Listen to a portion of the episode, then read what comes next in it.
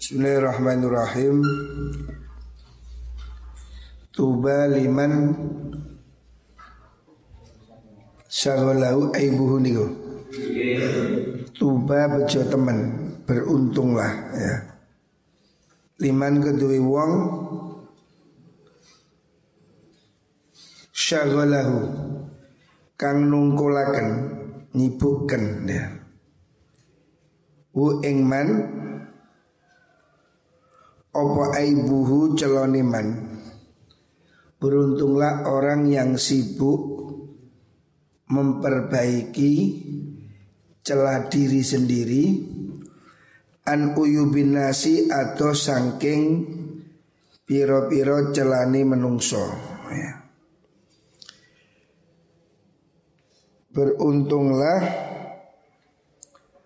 Orang yang sibuk dengan mengkoreksi kejelekannya sendiri sehingga tidak sempat mengkoreksi kesalahan orang lain.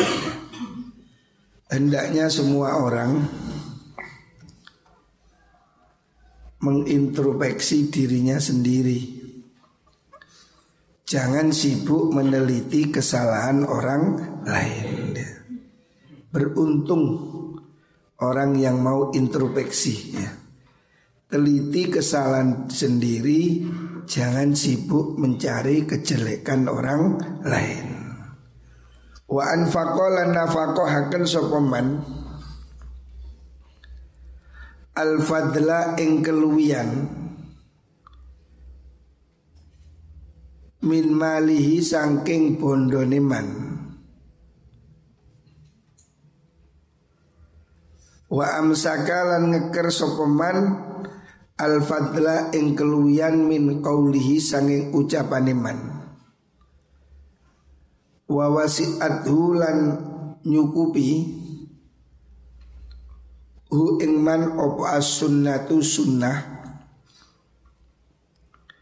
Walam ya'tu lan orang liwati sapa man anha saking mengkono sunnah ilal bid'ati maring bid'ah jadi ini indikator kebahagiaan dari Rasulullah Shallallahu Alaihi Wasallam. Berbahagialah orang yang pertama mengenali kesalahan dirinya sendiri. Ya, kamu harus punya waktu introspeksi. Apa yang pernah kamu lakukan kesalahan termasuk bolos. Berarti no bolos ini kesalahan. Mondok ada aturan keluar masuk harus pamit izin. Itu sopan santun akhlak etika. Nah, perhatikan. Koreksi dirimu. Nah jangan terus-terus berbuat kesalahan kamu ini menanam. Siapa menanam akan panen. Di pondok nanam sing api ya.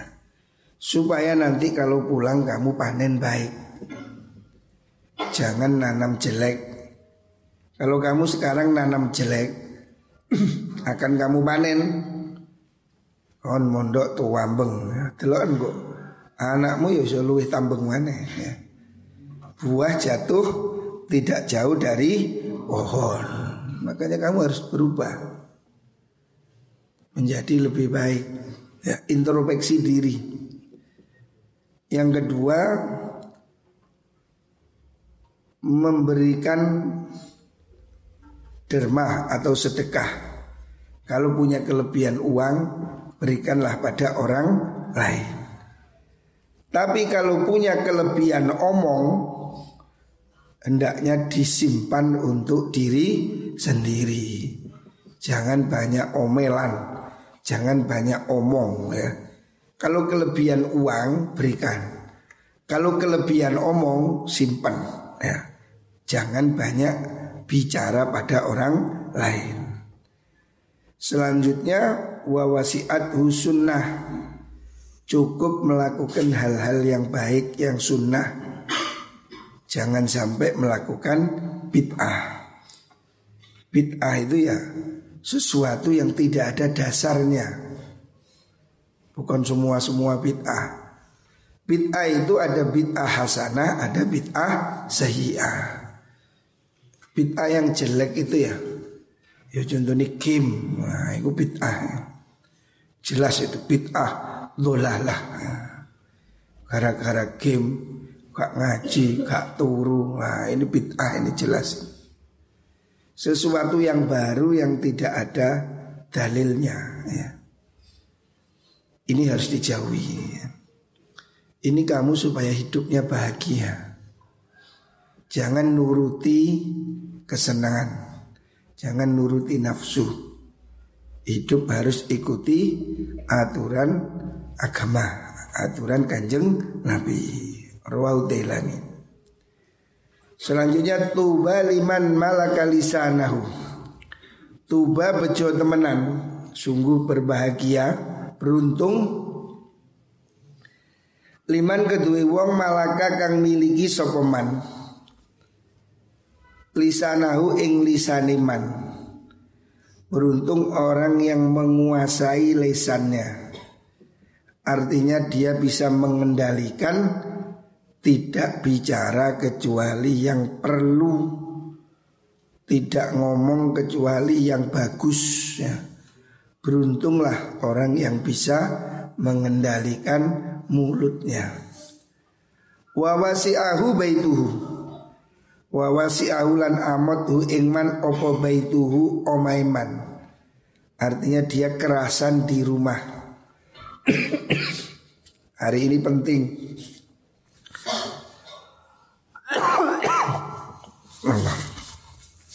Kerasan di rumah ini penting ya. Di musim pandemi ini Semua orang harus kerasan di rumah Karena ancaman apa ini virus ini belum selesai ya. Sebaiknya kita ini diam di rumah atau kalau mondok berarti diam di pondok. Rumah nalip, eh, oh, jangan keluyuran. Kalau kamu keluyuran itu mempotensi membahayakan dirimu dan membahayakan orang lain. Karena kamu bisa membawa virus dari luar. Ini harus dicegah ya. Siapa pun di pondok tidak boleh keluar masuk. Semuanya ya. Dilarang keluyuran, dilarang makan di luar pondok. Ini harus kita tegaskan. Ini musim pandemi. Ini musim di mana hari ini kita ini bawa ancaman penyakit virus ini. Ini belum selesai ya. Setiap hari kita masih dengar kasus ini meningkat terus terus meningkat sampai rumah sakit sudah penuh. Memang tidak diumumkan karena pemerintah tidak kuat, ekonomi akan mandek, lumpuh kalau ini diumumkan. Tapi sekarang kasus ini belum reda ya. Saya sudah bicara dengan orang yang terkait, yang kompeten bahwa kasus virus ini belum selesai, masih sangat tinggi. Makanya semuanya hendaknya berusaha tidak keluar rumah kecuali sangat penting. Kalau kamu di pondok, jangan keluar dari pondok. Kamu diem di pondok, ini ibadah. Hari ini ibadah diam. Kamu duduk di kamar, di pondok, tidak ke mana-mana. Dapat pahala hari ini. Siapa yang hari ini tidak keluar rumah mendapat pahala Karena dia telah menyelamatkan diri dan orang lain Sebab kamu ini berpotensi Kalau kamu keluar dari kamar Apalagi ke warung Ke warnet Itu potensi membawa virus. Baik untuk dirimu atau untuk temanmu. Ingat ini ada kasus di Banyuwangi. Hari ini belum selesai. Ada satu pondok yang hari ini sampai dijaga tentara. Kemarin Pangdam 5 Brawijaya telepon saya dia minta difahami pondok-pondok ini supaya hati-hati. Ada satu kasus pondok di Banyuwangi itu yang tertular 700. Sehingga saat pondok sekarang di lockdown yang masak tentara. Tentara sehari masak 30 ribu porsi. Karena santrinya 9 ribu makan tiga kali. Dan yang lain-lain. Jadi ini gak main-main ya. Kasus ini betul-betul. Makanya kamu hendaknya bisa menahan diri. Jangan keluar dari rumah. Jangan keluar dari pondok diem di pondok hari ini ibadah ya dapat pahala ya. Falam beliau wawasi itu kunci kebahagiaan keselamatan diam di rumah wabaka ala atihi wabaka lan nangisi sapa wong ala atihi ing atase kesalahane mengkono man menangisi kesalahannya mengintrospeksi diri ya. Kamu jangan rumongso hidup ini masih panjang. Kita tidak tahu. Apalagi hari ini ya. Orang kena virus ini dalam hitungan hari mati. Mengerikan ya. Hari ini siapa pun ya, punya potensi kena virus dan mati dalam waktu cepat ya. Virus ini hitungannya cuma hari. Ya 13 hari, 14 hari mati. Banyak sudah. Ya. Hati-hati ya. Jangan sembrono, jangan sembrono. Saya ini harus menjaga bagaimana pesantren kita ini aman ya. Sebab kalau satu saja di antara santri ini kena, maka akan sangat cepat menular semua kena. Kasus yang di Banyuwangi hari ini seperti itu. Ada satu orang kena, sak pondok kena semua. Makanya harus kita jaga bersama. Kalau ada anak keluar pondok melorot, keroyok, yo jadi kampung nih, tidik-tidik ya. Tale ini cuancang. Karena dia itu telah berusaha mencelakakan temannya. Ya, awas itu yang bolos itu. Anak itu besok kalau bolos, tale nono kayak kamar. Cuancangan giling. Karena kamu membahayakan temanmu ya. Kalau kamu bolos keluar, kita kan tidak tahu di luar kamu ke mana. Nah, potensi membawa virus ke pondok ini membahayakan. Harus kita jaga. Makanya kampung-kampung ada portal. Pondok juga begitu. Siapa pun di pondok ini dilarang keluar masuk. Ya. Yang melanggar harus dihukum. Cencang. Jaga diri ya. Ini kunci keselamatan. Jaga mulut, diam di rumah dan introspeksi kesalahannya diri sendiri. Ya, ini kunci keselamatan. Rawahu Tobroni an Thauban. Selanjutnya kala Rasulullah Shallallahu Alaihi Wasallam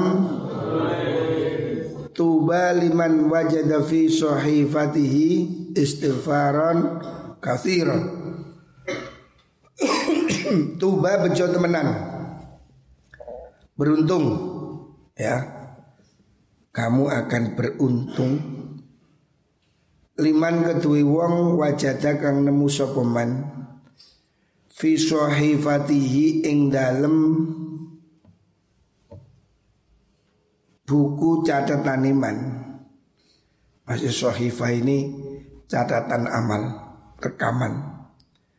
Nemu istighfaron ing istighfar. Ucapan istighfar ya. kafiron kang akeh jadi tuba itu hebat bagus. Dari kata-kata tayyib. Nah, ada yang mengatakan tuba itu berarti surga ya. artinya orang yang bagus kehidupannya ya dan juga masuk surga. Orang yang hidupnya memperbanyak istighfar ya. Meneng-meneng gitu rek apalagi setelah sholat ya hendaknya memperbanyak istighfar. Astagfirullahaladzim, astagfirullahaladzim. Menyadari dosa-dosa kita. Kita ini hidup ini dosa setiap harinya. Dosa mulut, dosa lisan, dosa telinga, mata. Ayo hentikan semua. Astagfirullahaladzim, astagfirullahaladzim. Kita harus sadar bahwa dosa ini tidak ada yang mengampuni kecuali Gusti Allah. Perbanyaklah istighfar. Astagfirullahaladzim. Astagfirullah. Seratus kali, seribu kali ya. Istighfar jangan ke. Melanggar-melanggar itu istighfar seribu kali. Perbanyak istighfar. Rawahu Ibnu Majah. Selanjutnya tuba utawi lafat tuba kita tadi bahas kalimat tuba. Tuba itu adalah juga menjadi syajaratun nama pohon. Fil jannati ing dalam suarko di surga juga ada pohon namanya tuba yang besar. Masih rotumi ati amin kang perjalanan seratus tahun. Jadi lebarnya pohon itu sapiro ya, perjalanan 100 tahun. Indonesia ke Amerika kira-kira. Nah, 100 tahun. Kita ke Jakarta berapa tahun kira? Tidak sampai setahun paling. Jakarta Malang 1000 kilometer. Kalau satu kilometer itu jalan kaki berapa menit? Jalan kaki satu kilo berapa menit ya? Ya paling 10 menit ya atau setengah jam. Berarti ke perjalanan ke Jakarta mungkin hanya perlu waktu 30 hari sampai. Lah, ini pohon yang namanya tuba di surga. Ini kalau jalan kaki seribu tahun, seratus tahun. Sok pikir rembo, gede banget is. Siabul jannati utai pakaiani ahli swarga iku tahruju metu opo siap min akmamiha sangking piro-piro pangi sajarah niku. Ini pohon yang menjadi produksi baju-baju penduduk surga. Ini kita tidak tahu seperti apa. Pokoknya ada pohon seperti itu. Nanti kalau kamu masuk surga, kamu tahu ya. Muka-muka kabeh mlebu. Tuba syajaratun fil jannah. Tuba utawi pohon tuba iku syajaratun jenenge wit fil jannati dalam swarga. Gharasaha kang nandurha ing sajarah sinten Allah Allah biadi klan dati Allah wa nafakhala nyebul sapa Allah fiha dalam sajarah miruhi sanging ruhi Allah. Wa inna ausona lan setuni piro-piro pang cabangi sejarah Iku latura yakti bisa den tingali op auson Min warai aswaril jannah sanging burine piro-piro tembok iswarko Tus bidu nyukulakan apa mengkuno sejarah al khuliya ing pepaes. Buahnya itu seperti perhiasan. Wasimaru tai piro-piro wit-wit buah-buahane. Iku mustahdilatun kang mentelung maksudnya mentelung itu menjuntai-juntai udah diambil. Itu misuk di surga ada pohon seperti itu. Ya kita tidak tahu. Besok muka-muka kita lihat di surga. Selanjutnya kala Rasulullah Sallallahu Alaihi Wasallam atau imus syakir bimanzilatis so imis sobir atau imu tai wong kang mangan asyakiru kang syukur iku biman zilatis imi ing dalem panggonane wong kang poso. Utawa apa? Iku khairun nggih. Luwi bagus nggih. Minas imi saking wong kang poso mesti ini asobiri keliru. Sarahnya itu asobiri asobiri kata toim asyakir afdalu atau biman zilati aso ini al sobir nah kata Mestinya begitu. Jadi orang yang toim tidak puasa, tidak puasa tapi bersyukur. Orang tidak puasa tapi hidupnya penuh kebaikan. Itu sama atau lebih baik dibanding dari orang yang puasa yang sabar. Puasa ini kan perlu kesabaran, menahan diri. Tapi puasa ini kan bermanfaat untuk dirinya sendiri. Sementara orang tidak puasa tapi bersyukur, bersyukur dalam arti menggunakan semua energinya untuk kebaikan, mengajar, bekerja, menolong orang lainnya. Itu pahalanya tidak kalah dengan orang puasa yang sabar. Maksudnya itu sama aja ya. Orang puasa diem sabar itu bagus dapat pahala. Bab dia telah menahan hawa nafsu. Tetapi orang yang tidak puasa ya, tidak puasa tapi berbuat baik, ngaji, sekolah, kerja bersih-bersih, mantu orang lain. Orang bekerja tidak puasa tapi bermanfaat untuk orang lain itu sama saja ya. Pahala itu tidak hanya puasa Tapi tidak puasa dan energinya untuk menolong orang lain Itu juga mendapat pahala. Ya Jadi tidak semua orang harus puasa.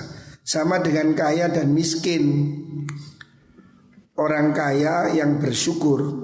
Dalam arti kaya bersyukur. Bantu pondok, bantu yatim piatu, bantu ini lazis. Orang kaya yang bersyukur Itu pahalanya Bisa lebih baik daripada orang miskin yang bersabar. Miskin sabar itu dapat pahala Orang miskin neriman Gak ngakali Gak ngapusi Gak nyolong Gak jahat ya. Orang miskin yang menerima kemiskinannya ini dengan terhormat. Orang miskin yang tidak berusaha menjadi jahat. Ini besok masuk pak masuk surga ya. Penduduk surga ini. Tetapi tidak semua orang harus miskin Karena kabeh miskin sing zakat sopo Islam juga mengajarkan zakat Islam mengajarkan naik haji Naik haji be ya? Pakai apa? Naik haji pakai ya pakai uang. Masuk ketik tunggu kaji kon bayar Fatihah. Daftar haji Pak. Buli yang terus Al-Fatihah. Al-Fatihah. Jadi tapuk bisa juga kan. Sodako yang perlu duit re. Zakat juga perlu uang. Makanya semua ini baik dari sudut pandang. Nah, orang miskin yang jujur, yang sabar itu baik karena dia bisa menahan diri untuk tidak mengganggu orang lain. Dia mensyukuri apa yang dia punya. Dia dapat pahala.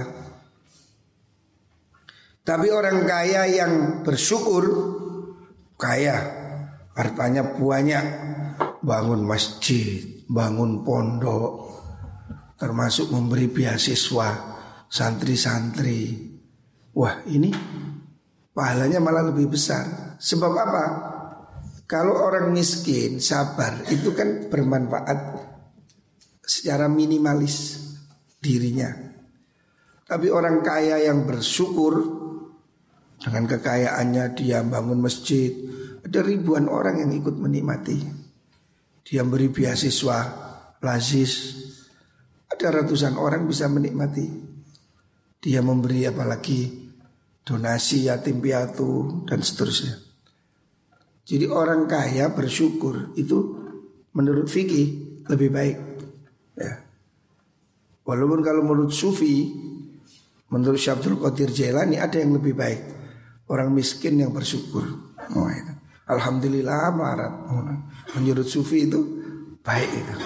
Bersyukur dalam kemiskinan. Sewenang. Sufi-sufi itu dulu gitu. Kalau dia miskin itu tambah sewenang. karena merasa dapat nikmat. Jadi kalau nggak makan tiga hari itu syukur, masya Allah nikmat sekali. Tidak makan, Nalek kon yo gremeng. Makanya kita ini belum tingkatnya. Maka tak no santri-santri muka-muka suki. Sebab hari ini melarat ini menjadi musibah ya. Dulu melarat itu nikmat. Makanya orang-orang walaupun melarat tapi tidak jahat. Tapi hari ini melarat ini bisa jadi sumber kejahatan. Orang nyopet, nyolong, ngapusi ini semua karena ya, melarat ini bisa mendorong kejahatan. Makanya konteks hari ini ya Muka-muka santri tak tuhan suki Suki ilmu ya suki tunyo ya.